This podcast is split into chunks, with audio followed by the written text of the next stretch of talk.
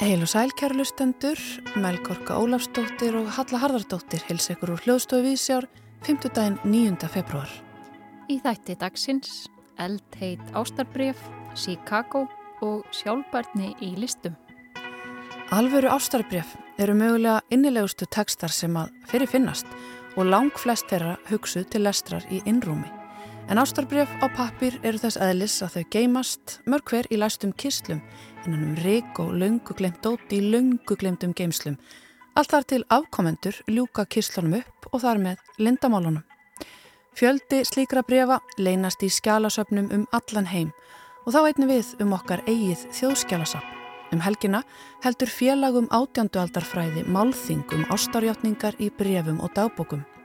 Meðal þeirra sem að þar taka til máls er Rakel Adolfsdóttir, fagstjóri Kvannasögursaps Íslands. Við heimsækjum hana í þætti dagsins og fáum að kíkja í nokkur ástarbref, meðal annars frá þjóðþögtum einstaklingum. Einnig segir Nína Hjálmarsdóttir okkur frá sinni upplifun af Chicago sem leikfélag Akureyrar sínir um þessa myndir. En við byrjum á hugarflugi, álegri ráðstefnu Listaháskóla Íslands sem hefst í dag og heldur áfram á morgun með stúdfullri dagskrá af áhugaverðum málstofum og fyrirlestrum. Þema hugarflugs í ár er markveldi framtíða, þar sem hugleitar verða þær áskoranir sem við stöndum frammefyrir og sem munum móta sameinlega framtíð okkar. Við fengum eitt þáttakanda á ráðstöfnunni til að koma til okkar í hljóðstofu og segja okkur frá sínu verki og tengstum þess við áherslur ráðstöfnunar. Steinun Knúts Önnudóttir, velkomin og takk fyrir að koma. Takk. Á hugaflugi kemur þú til með að sína og tala um videoessayu sem kallast EIA. Ég fæði kannski til að byrja því að útskýra aðeins fyrir okkur hlustendum. Hvað er videoessaya? Já, skemmtileg spurning. Uh, videoessaya, uh, ég veit ekki hvað ég á að byrja. Videoessaya er uh, miðlunaleið fyrir hvert sem er, getur maður sagt og nú er ég að gera listransókn og í staðin fyrir að skrifa texta og láta byrta í einhverju tímariti að þá, þá ger ég verk sem er vídeo þar sem að ég svona spila saman myndum og, og hughrifum og, og, og texta og það er einhvers konar úrvinnsla á einhverju, já það sem ég er að gera listransókn og þá er ég náttúrulega að hérna reyna að opna þennan miðil og, og reyna að komast að einhverjum svona kannski fræðilegum niðurstöðum. Mm -hmm. og ég nota þetta í essay form til þess. Og það er ekki, ekki svona fræði að því að eh, essay er svona meira personleg frásögn getur við sagt. En hún er hérna, hún er innblásinn og já, maður er að miðla ykkur hugsunni gegn þessa essay. Já, hún er svona aðeins óformlegri heldur en kannski rítgerð myndi vera. Já Já. En svo eru, hef ég líka aðeins verið að vinna í svona vídeorítgerð og þá er það svona er maður meira að vísa í kannski aðra fræðimenn og, og það er kannski aðeins tingra en uh, þessi er einn skemmtilegt form. Já, sannarlega það er mjög svona skilvirt form til þess að koma á framfæri til sem múrt að, að spá í og hugsa og miðla. En í þessari esseu, hún, hún kallast Eija og þetta var þáttökuverk sem að þú ert að segja frá í esseuunni.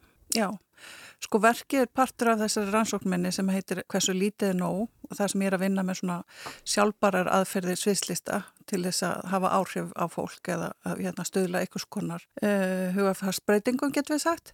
Og Eija er annað verkið í listrannsókninu minni og það er verk sem að, uh, ég gerði 2020 í Rísei á samt Gretu Kristínu Ómarsdóttur og það er verk þar sem að gestum er bóðið að koma í heimsókn á eiguna og ferðarlægið er svona sviðsett getur við sagt. Það er strax á bátnum að þá er bóðið upp á svona eitthvað svona huglegging og svo ferðu og, e, sem gestur þá ferðu og, heimsækja nokkra staði á eigunni þar sem er sett að staði eitthvað svona sviðsetning og, og hérna bóðið upp á samtal um ákveðin efni og í eigu fjallar þetta um hvaða þýðir að tilheyra hvað mm. þýðir að tilhýra einhvern stað og eiga er náttúrulega upplagt, upplöð metafóra eila fyrir það, af því að hérna, við þekkjum það mjög vel hérna á Íslandi að finna að maður tilheyri þessu, þessari eigu og svo er í gegnum verki þá er maður að velta þessu fyrir sig, hvað þýðir það, hver tilheyrir hverjum, mm -hmm. uh, tilheyri landi þér eða þú landinu eða hérna, þeir sem ekki tilheyra, hvað með þá, hvenar mun maður tilheyra. Þannig að þetta er svona verk sem er svona vettfangu til þess að velta þessu fyrir sér um leið og maður að njóta eitthvað svona líkamlegar upplifunar í eiginni. Mm -hmm. Þú veist, mhm. maður er að ganga í náttúrin, maður er að fara inn í hús, maður drekkur þykkur kaffi af, af hérna, eigaskeggja og þannig að þetta er mjög svona líkamleg upplifun, þannig að þetta er ekki bara svona, þú veist, að fólk að ganga um og spjallum hvað það þýra til er að, en það er svona, maður er að, svona, allavega tilgangunum er að vekja öll skinnfæri, að, mm -hmm. að þau séu virk og síðan siglur bara frá eiginni og, og þá hefur eitthvað gerst og ég lít svo á að sko verki haldi áfram að matla í þér, þú mhm. veist að því að, að þetta er bara ein upplifun af mörgum, þú kemur vendilega sem gestur með fullt af hlutum og þöngum með þér inn í, inn í verkið sem að svona blandast einu upplifun og, og síðan bara heldur áfram þínu verkþær sem gestur og, og þá heldur verkið áfram að matla í þér sko.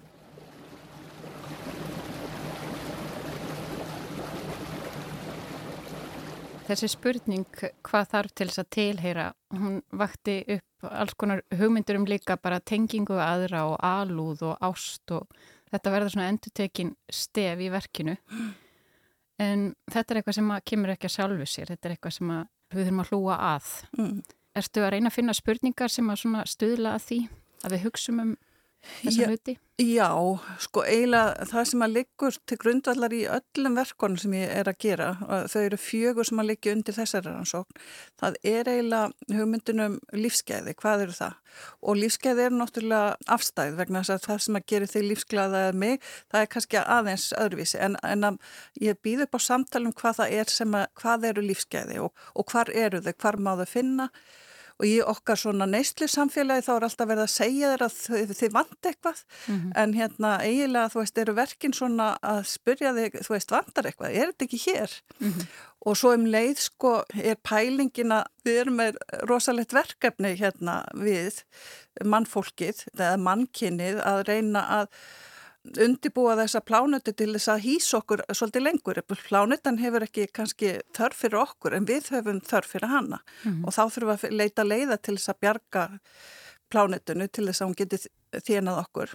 Og hvernig gerir maður það? Þegar maður gerir það með því að ég maður bjargar einhvern en maður, maður þykir vænt um það. Mm -hmm. Skilur, þú veist, það er mín eh, svona hugsun að, að eitthvað starf í þessum bara pælingum um lífskeið og svona að, að þú veist að, að, að sjá fegur eða sjá eitthvað þar sem búið til tengingar að það er þar sem að uh, sko köllunin kemur að reyna að gera eitthvað í því að, að breyta þessi til batnar mm. skiljum ég að það, það gerist í gegnum einhvers konar gæskuða umhyggju eða eða reynlega bara ást, við tölum mjög sjaldan um ást og kærleika í þessu sambandi en það er bara ég meina það er grunnaflið, það er mhm. einhvers konar kærleikur yeah. og svona og það er mjög oft, þú veist, í svona pólitískum verkum eða verkum sem eru ætlið að hafa áhrif á því, þá er oft nota kannski svona sjokk eða þú veist, einhver, einhverja stóra tilfinningar eins og reyði eða þú veist, það byggja upp eitthvað svo leis og nú er ég bara prófa að fara hínaleðina, þú veist, fara í það sem er jákvætt, mm. þú veist, og, og tala um gæsku eða leita þegur eða þú veist, að því að það bindur, þú mhm. veist, mm. og mótíverar eins og maður veit eh, ef maður tengist bara ung við börnunum sínum eða þú veist, og þá vil maður þeim alltaf besta fyrir sko vegferðina og maður verður ekki allan tíman með þeim, skilur við.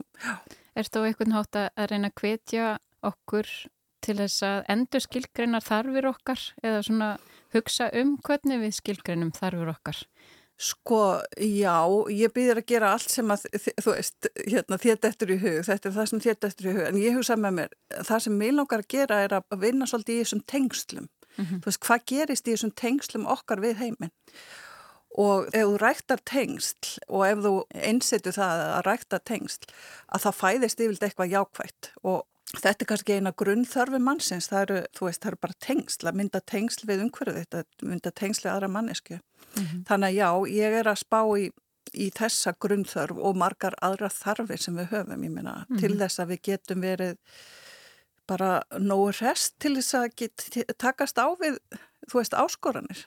Þú nefndir þetta er hluti á starra rannsóknarefni og þar er leiðarstefið, já, hversu lítið er nóg? Hvaða aðra leiðir erst að fara til þess að svara þeirri spurningu? Hversu lítið nóg er spurning sem er náttúrulega henni verður ekki svarað því að hún er líka mjög afstæð, þú veist, að hverju allar að beininni mm -hmm. og að það er alveg eins með sjálfbærni eða þetta hugtakt sustain að halda einhverju við hverju allar að beina því að. Mm -hmm. Hversu lítið er nóg, þú veist, þetta er svona aðferð, þetta er svona nálgun sem ég nota eiginlega á alla þætti listsköpununnar og, og alveg frá, frá minnu eigin persónlega hvers, hversu mikið þarf ég að gera, hversu mikið þarf að gerast, hversu mikið þarf að pródúsir að búa til hérna til þess að einhvað, eitthvað geti átt sér stað og einhver hreyfing geti átt sér stað að því ég er líka leitað svona einhvers konar umbreytingarmætti mm -hmm. listarinnar þú veist, hversu lítið þarf til í öllu þessu? Og hversu mikið er þá til staðar fyrir, ég menna það er svona spurning sem er svona afleðinga þessari spurningu, hversu lítið er nóg, nóg, þá getur maður að segja hvað er hér, hvað er nú þegar til staðar sem við getum beint sjónum að, mm -hmm. þannig að það er svona það sem að þessi aðferð svona svolítið sko er að gera, þú veist, að við eiginlega bara að, að búa til ramma eða beina sjónum að eða og, og til dæmis tökum sér dæmi bara viðbörð þar sem að fylgta fólki kemur, segjum bara að það komið 20 manns. Ef því þarna eru 20 líf, 20 hérna, mann sem að hafa upplifað eitthvað alveg stórkostlegt og þegar allavega eins og ég til mig hafa komið stað að til þess að eitthvað ekki hafa áhrif á þig þar þarf þetta að tengjast, þú veist, þarf þetta að tengja og þarf þetta að tengja í þennan reynsluheimðin.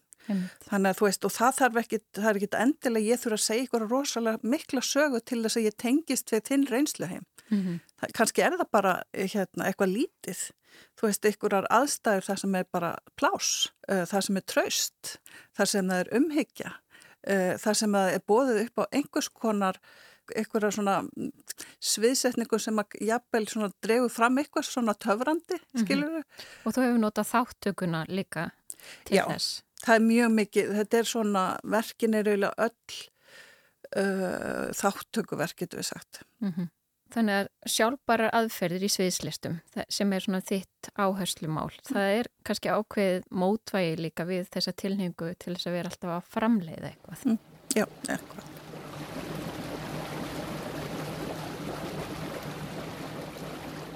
Hann Philip Kitzer sem er professor emeritus í heimsbyggju við Columbia Háskólan í New York, hann er aðalfyllesari á hugaflugi en yfirskrift hugaflugs í ár eru margar framtíðir, framtíðir margara.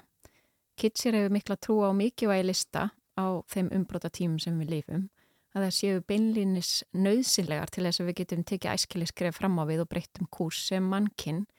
Ertu sammálað þessu? Já, ég held að, að hérna, það sé mikill umbreytingamáttur í, í listum almennt og ég held að gegnum svona reynslu Þú veist, það getur líka verið önnur reynsla, það er ekki bara listin, listi geta tekið þátt í þessari hugafræsbreyting og ég held að hún gerir það mjög mikið með því að búa til tengsl. Ekki endilega að segja um einhverjar áætlanir eða dragu upp einhverja dökka mynd af heiminum. Ég held að þessi frekar að í gegnum eitthvað svona, já það er allavega ég að vinna með að það er eitthvað sem að nærir þig. Skilur, mm. þú veist, það er eitthvað sem að blæs, blæs ykkur lífi í þig og eitthvað sem að hefur að gera með umhengju. Og sömur í dag, til dæmis, eru hættir að nota orðið sjálfbærni og eru farin að tala um bara umhengju. Skifta því út, mm -hmm. að það er það samað og það er svolítið skemmtileg æfing. Að því að söm orð þegar maður notar á mikið þá farið að missa mátt sinn og þá þarf maður að koma nýtt orð og nú eru bara mjög margir í kringum mig til dæmis farnar að nota orðið umhyggja eða care í staðin fyrir sustainability, þú veist, mm -hmm. hvernig ætlum við að, að hugsa betur um um heimin okkar, um samskipt okkar, um, um samskipt okkar við það ekki mennska mm -hmm. uh, og allt það. Þannig ég er alveg sammála honum að listinnar geta gert mikið til þess að fá okkur inn í eitthvað svona hugafarsbreytingu og ég ætla ekki samt að leggja það á að því að ég hef bara skoðað nóg mikið um, um svona sjálfbæra þróun er að við sem einstaklingar, við erum ábyrg vissulega, en þetta er, hérna, ég held að ábyrg okkar liggi í því að, að kjósa rétt, mm. af því að það sem að mun geta breytt ástandi heimsins eru kervisbreytingar, ekki að einstaka manneskja flokki plasti sitt það er að einhver að hæra uppi takja ákvörnum að hætta framleiða plast. Mm -hmm. Það er þannig og það, það, er, það er búið að tellja okkur trúum að við byrjum ábyrð á hruninu, við byrjum ábyrð á, á framtíð plánutunar og allt, allt það. Mm -hmm. Jú, vissulega, en við gerum það ekki fyrr og einn og það er miklu sterkar en maður tekur sér saman, þú veist, stopnar þrýstihóp. Það, það er sterkar en bara að þú flokkir uslið heimahjáðir. Við verðum öll að vera meðvitið um hvað við erum stött í heiminum og, og taka okkar ábyrðin. Ábyrðin kvílir á stjórnveldum og uh, fyrirtækjum. Mm -hmm. En hlutverk listarinnar í þessu samingi er þá kannski meira að halda lógunum gangandi og ástriðinni og stuðla þessari umhyggju eða, eða ást á lífinu. Já, já, algjörlega. Að á, og af, hérna, við getum sagt líka mikið af umræðinni fjallar um að, að nú sé heimurinn eitthvað beilaður, hann er hérna, hann er særður, þú veist, það er að tala um, þú veist, of the wounded world, ég er bara ósamálusi, þú veist, einhver staðar er, þú veist, grunnfórsetan lífsins er umbreyting, ég meina það allt er í umbreytingu, heimurinn er að breytast, það mun halda áfram að breytast. Uh, og nú er hann að breytast á þennan hátt. Og einhver staðar er, er stór hluti af ábyrð okkar er bara að aðlæðast þessum breytingum auðvitað getum að streysta móti og reynda komið fyrirbyggjandi aðgerður um að þetta verði mjög ennþá verra. En þetta er engin sko heimurinn, jörðin er spræk skiluru en hún er í umbreytingu. Hún er að breytast og, og hérna ég held að að maður verður líka bara sko að læra að elska plasti til dæmis. Ég meina það hefur ykkur eiginleika, það hefur góða eiginleika, það er bara að finna þá. Þú veist, þetta er svona hugmyndir, þú veist, ekki bara hérna íta því frá okkur, nú er það í heiminum, þú veist, mm. það er eilift, hvað við að gera við það? Við viljum að elska það. Þetta er sannlega umræða sem á heima og þessari spennandi ástöfnu sem er að hefjast í dag. Takk innilega fyrir komuna, Steinun Knúts Önnundóttir.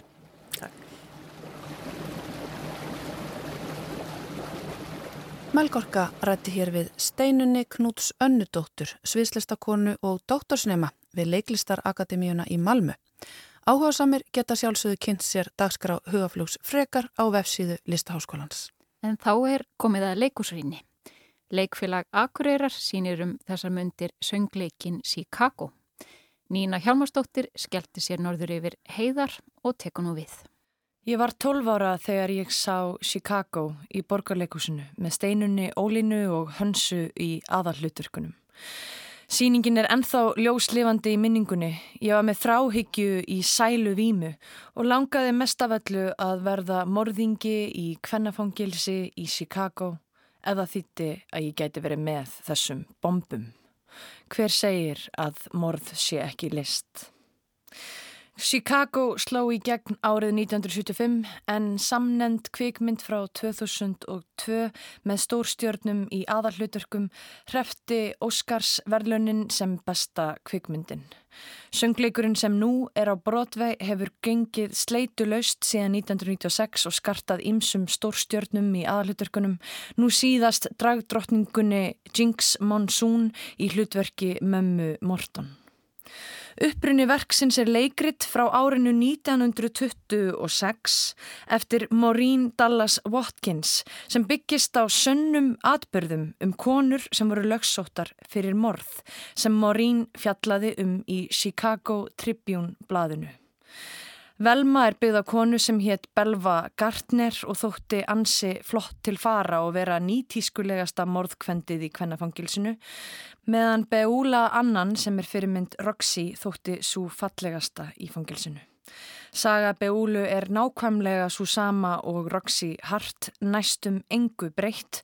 Hún myrti mannin sem hún hjælt við, breytti sögu sinni oftar en einu sinni, lísti þig yfir að þau höfðu bæði sælst eftir bissunni á sama tíma, laug um að vera barnshafandi til að fá samúð og aðtikli fjölmiðla og eftir að vera síknuð fór hún frá eiginmanni sínum því hann var of hægur og heimskur. Það er Beula og Belva voru því bísna útsjóna samar á þessum tíma. Að vera báðar síknaðar þær kunnu að nota skandalsþorsta almennings til að fá sínu framgengt. Þannig eiga þær kannski ímislegt sammeilegt með áhrifavöldum í dag sem strategísera eigin ímynd sér til framdráttar.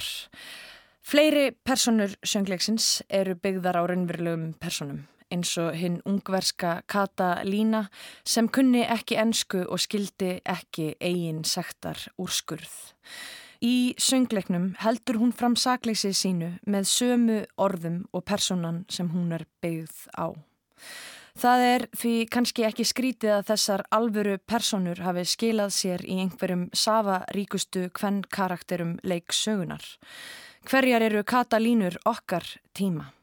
Var Morín Watkins að reyna að afhjúpa eitthvað ofbeldi og óréttlæti á sínum tíma, 90 árum fyrir MeToo-bylgjuna?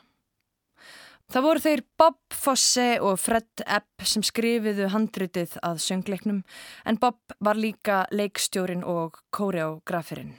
En það var ekki síst tónlist Johns Kanders sem let verkið slá í gegn en lagalistin er ekkert nema hittari eftir hittara, eirna ormar sem eru hver öðrum betri.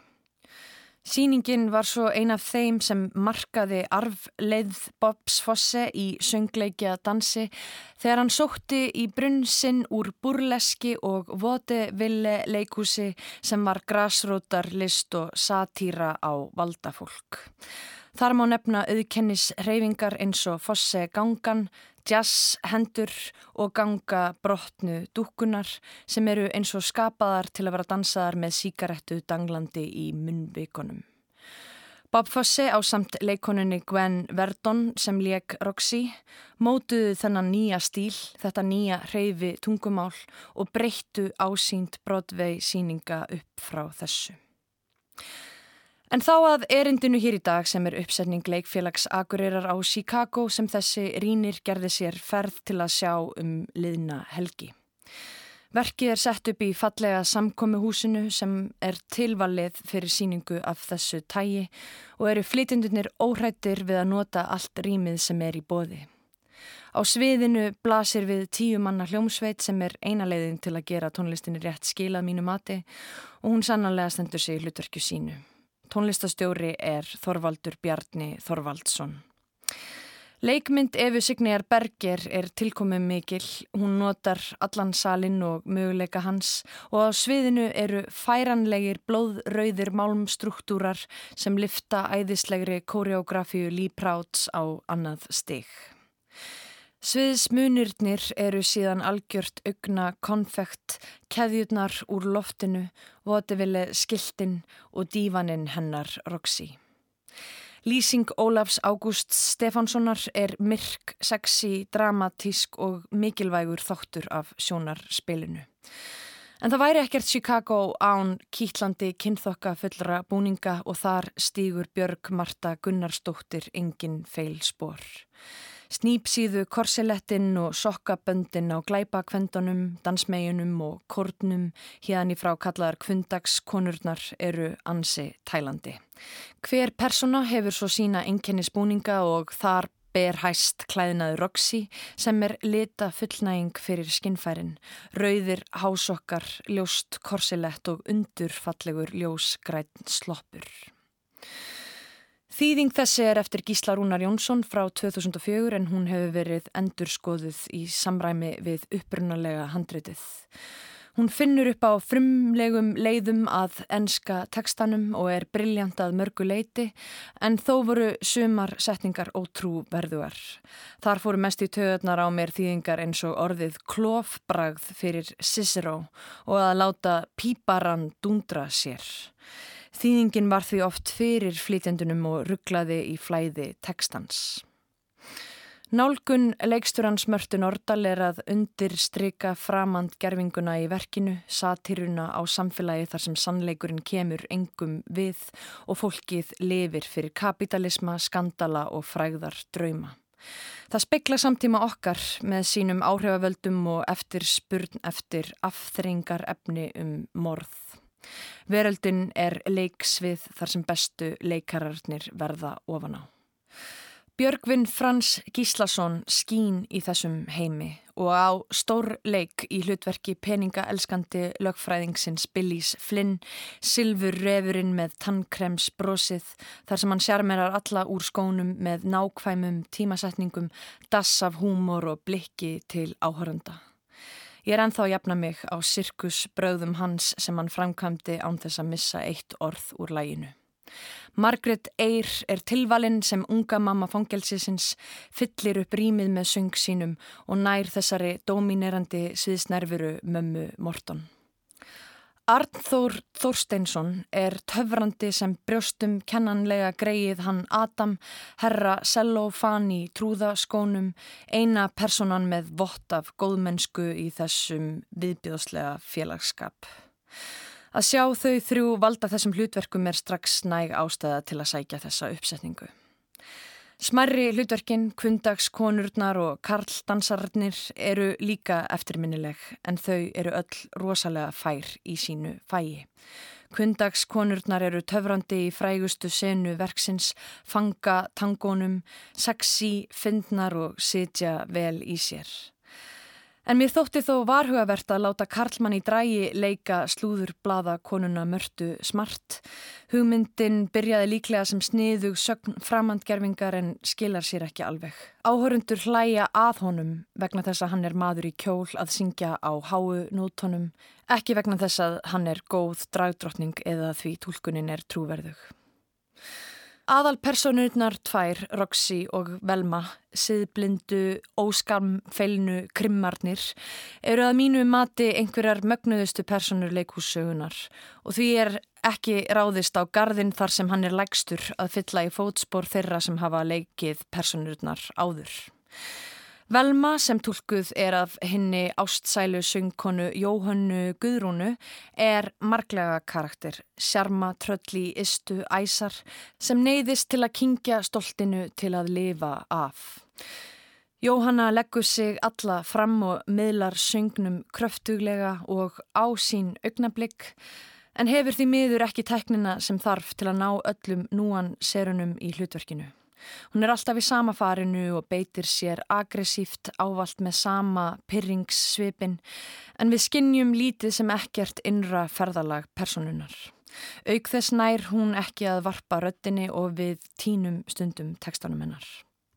Að samaskapi er fyrðulega farið með Roxy í tólkun Þordísar Bjarkar Þorfinnsdóttur en hún er alltaf á sömu tilgerðarlegu nótunni með skræka rött eins og hún sé först í hlutverki dúkunar sem Billy stjórnar í bladamannasennunni frægu.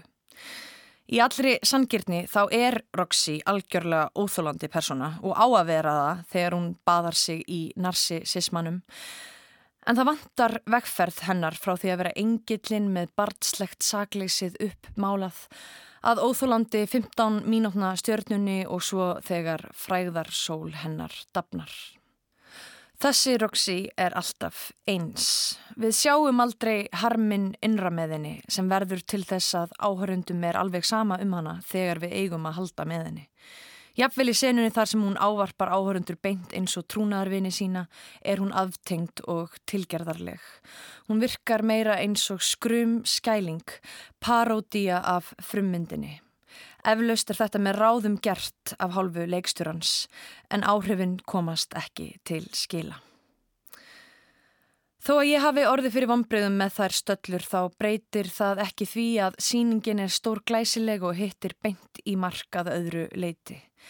Leikfélag Akureyrar á hrós skilið fyrir svo metnar fulla uppsetningu þar sem ekkert er til sparað og er vel þess virði að sækja. Vonandi fær hún líka að kynnta upp í höfuðborgarbúum á komandi leikári. Verk sem Chicago á alltaf erindi það er pólitíst og augerandi en fyrst og fremst bara svo ógeðslega skemmtilegt með hvenn personum sem sprengja upp siðferðisleg viðmið þar sem þær sannfæra áhörundur um að þeir áttu það skilið karlmannstjöflatnir sem þær komu fyrir Katarnef. Þetta eru sögur af konum sem voru hunsaðar, lítilsvirtar, ránglega ásakaðar, sviknar en aðalega ekki áleitnar jafningjar karlmana í heimi þar sem réttlætið fær aldrei að ná fram. Verkið á sér því margar hliðstæður í veruleika okkar í dag. Kanski eru þær ekki siðblindingjar. Kanski getur hver sem er verið fær um morð þegar farið er með hana eins og skýt. Verk eins og Chicago halda allavega áfram að trilla og tæla um ókomna tíð. Sagði Nína Hjalmarsdóttir um Chicago sem leikfélag Akureyra sínir um þessa myndir. En þá er komið að eld heitum ástarbrifum. Wise men say Only fools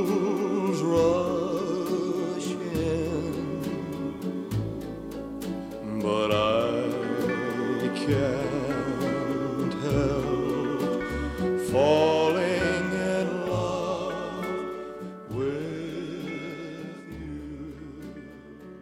Elvis Presley syngur hér einn vinsalasta ástarsöng allra tíma. Hann getur ekkert gert nema falla fyrir ástinni sinni og við tengjum við söngin því við höfum flest verið á einhverjum tímapunkti ástfangin flón. En það eru alls ekki allir sem hafa tjáð ást sína eins og Presley og fleiri í ódöðulegum söngum og það eru heldur alls ekki allir sem hafa tjáð ást sína með pappir og bleki í ódöðulegum brefum. Alvöru ástarbref eru mögulega innilegustu tekstar sem að fyrirfinnast og lang flest þeirra hugsuð til lestrar í innrúmi til elskunar einu. En ástarbrif á pappir eru þess aðlis að þau geymast, mörg hver í læstum kistlum innanum rík og lönguglemt dót í lönguglemtum geimslum. Þar leynast heitar hugsanir sem að öllum eru glemtar þar til að afkomendur ljúka kistlunum upp og þar með lindamálunum. Fjöldi slíkra brefa leynast í skjálasöfnum um allan heim og það á einni við um okkar eigið þjóðskjálasafn. Um helgina heldur félagum átjándualdarfræði málþing um ástarjáttningar í brefum og dagbókum. Meðal þeirra sem að taka þar til máls er Rakel Atolstóttir, fagstjóri Kvennasögusaps Íslands. Ég leit við hjá henni í kjallara þjóðarbókluðunar og baði hann að segja mig frá ástarbrifunum sem að þar eru kemd.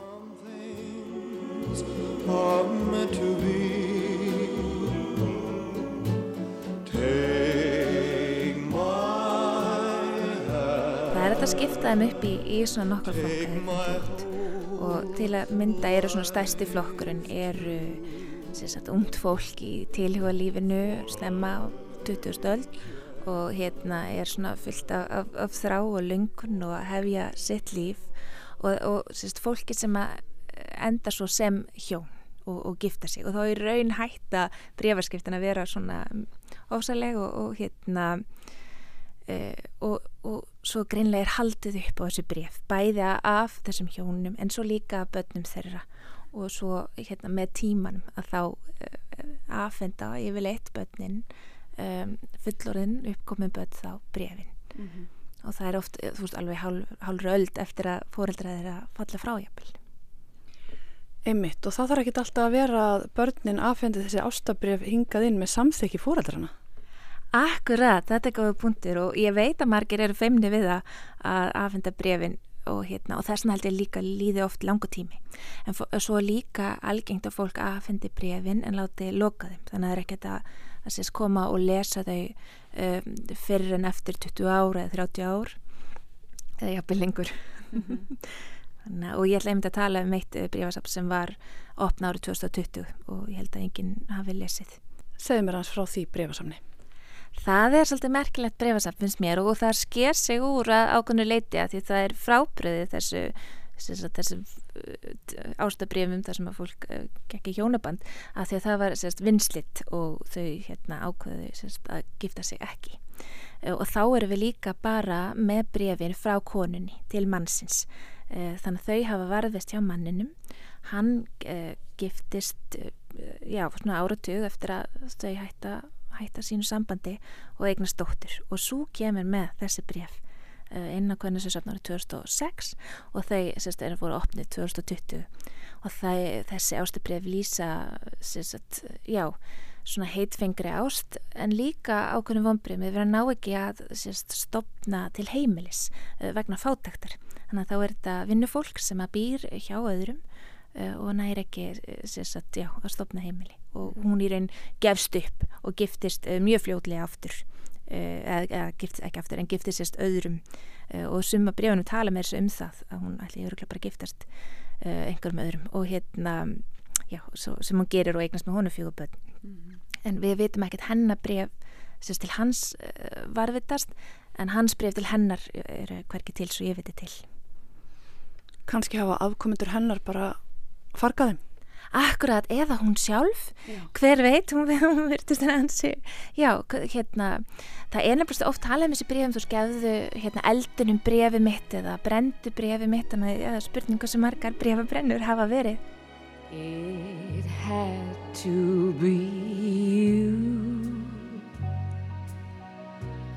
It had to be you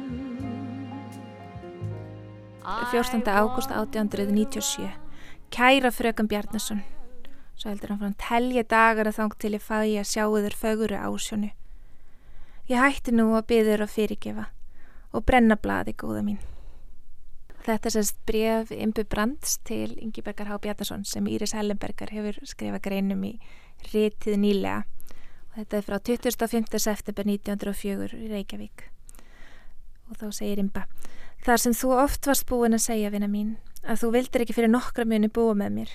Ég myndi það auðvita og þykir sárt. En hvað um það? Það sem verður að vera viljugur skal hver bera. Ég kenni mér það að mestu leiti. Nú ætla ég ekki úti í þessa sálma meir.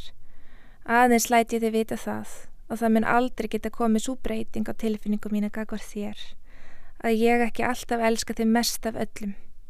Og þess vegna vil ég ekki viljandi pláa þig. Ég get mikið betur látið tilfinninga minnir í ljósi skriflega til þín en munlega. Ég veit ekki hvernig á því stendur.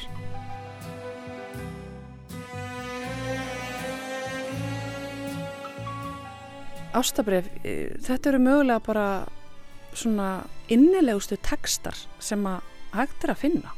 Akkurat, tekstalegast síðan eru þau alveg ótrúleg og, þau eru svo personuleg og ekki gert endilega ráð fyrir að aðrir séu að lesa þig þetta séu hérna enga bref um, og hérna og það er svona misinnilega svo sem en, en jú, þetta er vand með farið. Um, en það er líka mikilvægt að hugsa að þú veist að núna er við skilur mörgað sem brjóðskarski skrifið 1900, 1910, 1920 þá er maður komið svo langt frá að maður lest þau allt öðruvísi heldur en fólk gerði þá. Mm -hmm. En það er líka svona ákveðið öfundsvert að fólk hafi haft uh, svona bref í höndunum og, og ég hugsa svolítið til þess hvernig það var að eitthvað en fáðu þau í hendurnar og mjög spennandi líka sendingarnar, það tóku langa tíma ofta er þetta melli landsluta og hérna, já, og þú veist að telja hvað hva er þetta mörg bref þú veist hvað byrja maður að lesa, byrja maður á niðurlægin í appell og lesa maður það aftur og aftur og svo framvegis og þetta er eitthvað sem maður kannski við í dag þekkjum ekki svo vel. Nei, ég minna, bref og pappir eru þetta bara hægt og rólega því miður finnst manni að deyja út. Það eru þetta svo mikil, það er svo mikil romantískur blær yfir brefaskriftum og hvað þá ástarbrefum. Akkurat. Og hérna og það er svo áhært sko ofta svo mikil, mikil hérna svona hugsun og þeir eru oft skrifið fallega en svo inn á milli leina spref sem eru svona skrifið í flíti og það er jæfnilega eitthvað vombrið eða eitthvað reyði og þá séum við líka hvað sko, skriftin breytist. Það er jæfnilega ekki að falla um pappir og svo koma aftur byrja aftur svona falleri brefa og falleri brefsefni Kassel 8. april 1938 Elsku Lára mín Ég er alveg að verða styrlar að þráti þín Ég er búin að kvelja svo mikið að hafa þið ekki hjá mér og ég kvelst áfram þar til við hittumst og ég er orðin svo auðmjúkur með sjálfu mér að mér finnst nóg ef ég hefði þig að fá að halda í hendin á þér, tala við þig og fá að sopna með þig við hægri aukslina. Elsku, ég get ekki hugsað mér indisleira nú. Það er ekki víst að þú erið ánað með svona lítið og ég veist heldur ekki til lengdar. Elsku vina, ég hlakka svo til að hitta þig.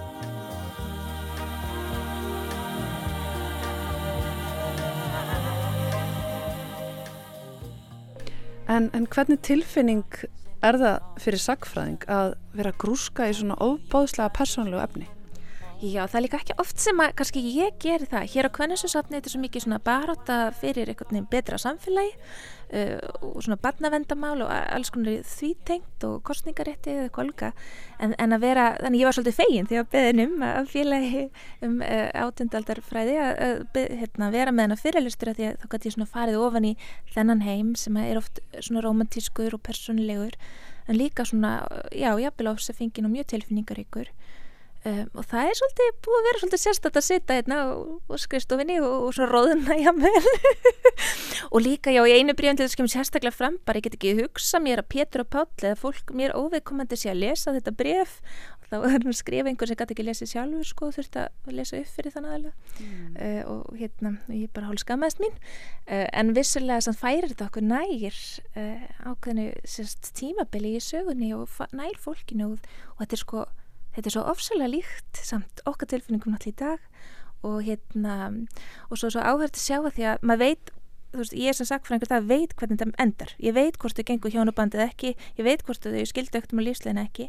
En svo líka svo að þetta er svo mörg brefi til á lífinu svo er kannski bara nokkuð bref áratugum eftir það. Mm. og þá er þetta miklu freka farið bara hver allir að borga reikningana hvernig voru uppbúin að fylla út skattaskísluna mynda dóttiðinu ammali í januar og þú þarf að ringja þau verður miklu svona miklu hverstastlegar í brefin þannig að hérna, það hefur líka verið skemmtilegt að sjá bara hvernig svona þriðja vaktin virkaði á þessum tíma líka. En það ljóta líka að vakna svona auðvitað siðferðslega spurningar Það gerir það ákveðnuleiti og ég held að hérna kannski sagfrængu við erum svolítið vöndi samt að vera fást við eitthvað sem er viðkvæmt sem er eldvimt að smá ekki segja allt. Um, þannig já og, og auk þess að þetta er þetta er svo langt aftur í aldir eða, og kannski ekki, kannski minnst hérna á hvernig sögusafni en það er samt, þú veist, yfirleitt öll síðan þetta var skrifað um, en það er, jú, og svo líkar við með þessi bref þar sem að fólk var kannski, er óvist hvort að fólk var í sambandi eða ekki. Það eru bregð kvenna til annara kvenna til dæmis sem lýsa þú veist svona innilega vilja kossa eða vilja skriða upp í ból til hennar eða eitthvað svo les en við vitum ekki nákvæmlega um þeirra, já, um þeirra enga líf og enga hægi en maður veit líka alltaf að það er alltaf svo brotakent þú veist, við erum ekkert með öll brefin og stundum maður búið að rýfa helmingina brefinu af þannig að maður er bara með hálft bref þannig að það er líka já, þannig að ég held að maður þurfa alltaf að setja hana varnagla á að, að þetta brefin segi ekkert alla söguna. Mm -hmm. um, en jú, vissilega verður maður svona að passa upp á. Þetta eru alvöru, alvöru fólk og alvöru sálir og ofta afkomendur eða fólk sem ekki vænta það sem er enda lífandi í dag. Mm -hmm. þannig að maður, maður fer varlega að.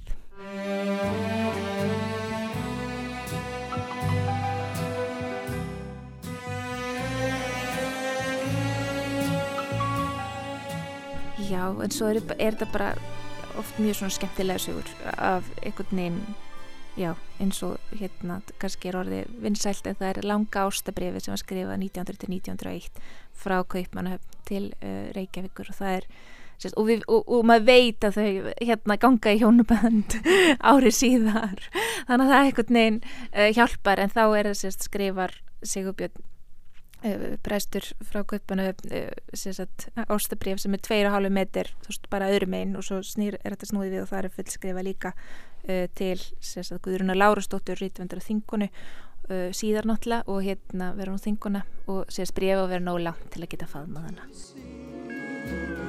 Darling so it goes. Some things are meant to be Já, ég sé því hérna fyrir mér við þetta skrippborða grúska í ástabröfum fólks frá liðinu öll. Hefur þetta kvatti til að þarna byrja að skrifa þín einn ástabröf? Já, það er eins og kom spurning. Ég er svona halvvild óskast, ég hafi gert meira af því líka því þau eru oft sko, svona tvítug og uppur mm -hmm. uh, og hérna er kannski nýbúið með student og annar er í háskólinámi eða eitthvað svo að lesa hérna.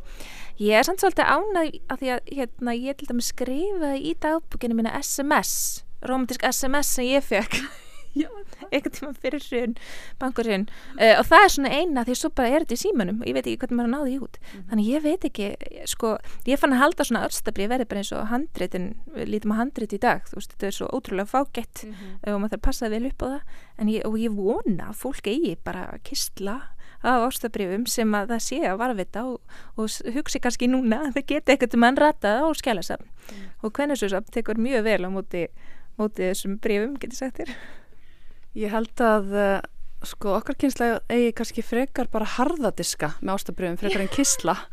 Ég held að okkar kynsla hafi skrifað ástabröf mest megnis kannski bara á e-mail. Akkurat, ég er mitt, maður, það er til e-mail og mjög skemmtileg og náttúrulega sögur að öðru fólki, maður fyrir að les uh, gamla tölvupóstar sem maður á og svo líka var ég að fletta ykkur upp og þetta flett upp í svona gmail chati millir míns og, og mannsins míns. Já, mjög langt aftur, þannig þá er þetta svona muna ímislegt, en það er spurning hvað hva við gerum á svona raföld. Og, og þetta er náttúrulega stóru hausverkarinn fyrir skjálaveri, hvernig ætlum við að varvita allt þetta? Heldur að þú er eftir að láta börnunum þínum eftir þetta gmail chat ykkar mannsins ég hef átt að hugsa að ég hef haldið dagbækur. Að ég er ekkert svo vissum að, að hérna, hvort að ég vilja nokkur lesa þessar dagbækur mínar. Uh, og svo hérna sitt ég hér alltaf dag og er að grúska ykkur um dagbækum annara eða ástabrjöfum þannig að þetta er, þetta er góð segfyrirslega spurning og hver og einn verður að meta fyrir sig. En það er holdt að munna að sakfræðingar eftir áratíu og aldir eru alls ekki að fara að lesa þetta sömum augum og við í dag uh, eða við sem stöndum þessu nærri og hérna og svo er þetta svo ótrúlega góð heimild um bara hvernig lífi var, hvernig tilfinningar fólk hafði, hvernig það tjáði tilfinningar sínar uh, og svo framvegs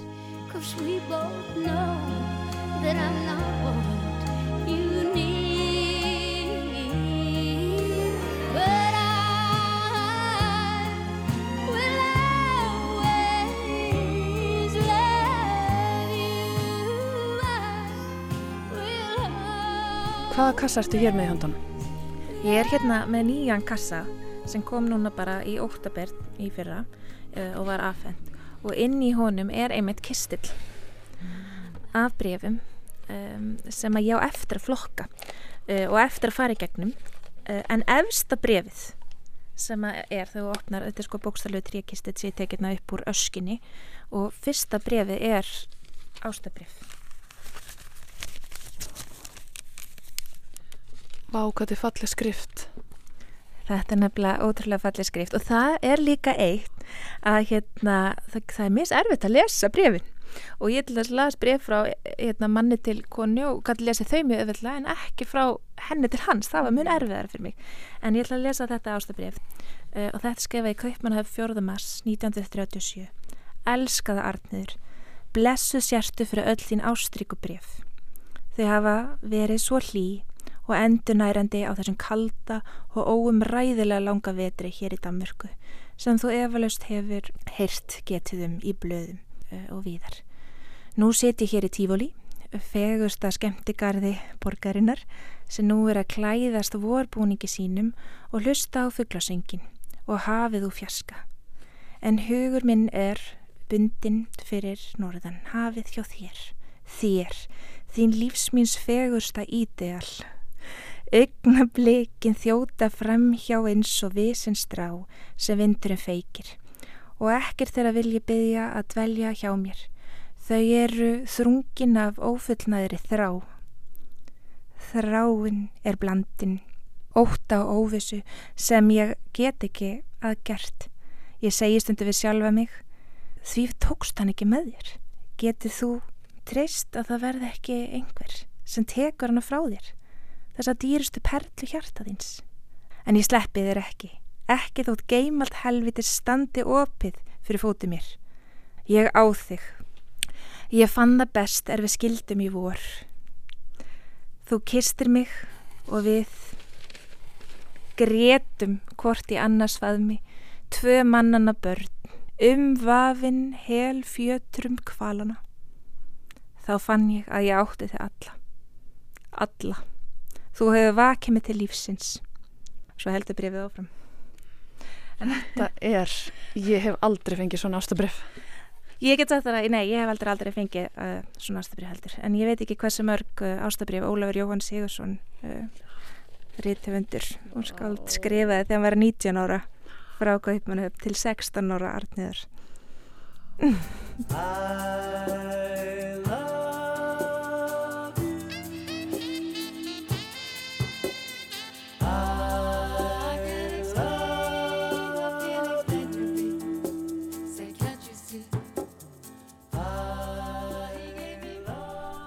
Hvaða kassi er þetta, Rakel? Þetta er eitthvað aðeins skipulegar á, það er búið að skrásita þetta sé. Þetta er ekki svona gamall brotin kistill heldur bara skjálasapskassi.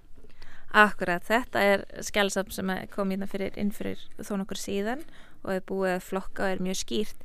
Uh, Þetta er sérst einaskja sem er inniheldur bref og annað frá Katrínu Gísladóttur sem fætt 1902 og hún var hjúkunarkona, hún var hérna ógift og ballus allæfi uh, og hún bjó sérst lengi með Vilborgu sem var kallið Minni og var uh, já, nokkuð svona 14 árum yngri en hún. Og uh, já, við svona gerum ráð fyrir að þær hafi verið nánar vinkunur og minni ég sérst þarna ára 1956 en þetta er svona elst, en yngsta brefi segja sem að uh, ég mun fjalla um í erindinu. Og hún er sérst í uh, heilsutvöl í Noregi og er sérst búin að vera veik og skrifar hérna henni Katrinu bref Elsku Kai Hjartanstakki fyrir því góða og indala bref og myndina sem ég þótti afar væntum að fá Hún er salla fín, gaman að hafa þig brosandi hér hjá mér. Eh, Nú fæ ég mér ramma á morgun og þá stendur þú hér á komaðinu hjá mér. Ekki að því að það sé ekki myndað þér þar fyrir, en maður getur alltaf á sig blómi bætt. Í morgun vaknaði ég klukkan hálf sex og þá hugsaði ég, nú læt ég til skara skrýða. Þess vegna sit ég nú hér í bólunu og klukkan er ekki meira en 20 myndur yfir sex um morgun og nú ætla ég að reyna að svara þér sem best ég má vinna mín. Ef þú heldur að mér langi ekki að fá því hingað, þá er eitthvað að þér og þú ættir sem skjótast að leit, leita til læknis. En ég hef sem betur fer öðlast ofurlítinn skilning á þessu tímabili lífsminns sem nú þegar er að verða ár. It had to be you.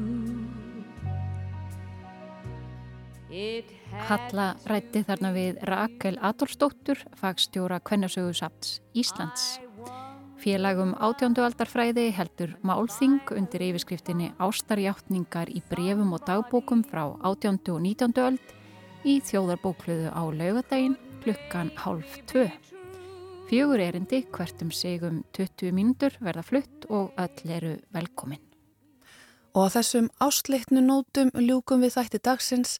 Við þökkum fyrir samfélgina í dag og þessa vikuna.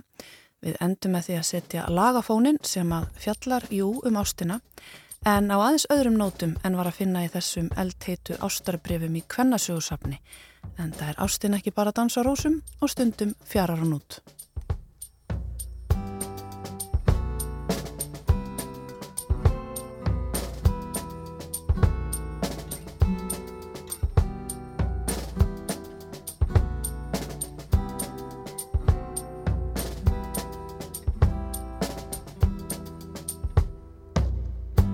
Problem is all inside your head, she said to me. The answer is easy if you take it logically. I'd like to help you in your struggle to be free. There must be 50 ways to leave your lover. She said it's really not my habit to intrude. Furthermore, I hope my meaning won't be lost or misconstrued. But I'll repeat myself. At the risk of being crude, there must be 50 ways to leave your lover. 50 ways to leave your lover. You just slip out the back, Jack. Make a new plan, Stan. You don't need to be coy, Roy. Just get yourself free. Or hop on the bus, Gus. You don't need to discuss much. Just drop off the key, Ooh, slip out the back, Jack. Make a new plan, Stan. You don't need to be coy, Roy. You just listen to me. Hop on the bus, Gus. You don't need to discuss much. Just drop off the key, Lee, and get yourself free. She said, It grieves me so to see you in such pain. I wish there was something I could do to make you smile again. I said, I appreciate that. And would you please explain about the 50 ways? She said, Why don't we both just sleep on it tonight?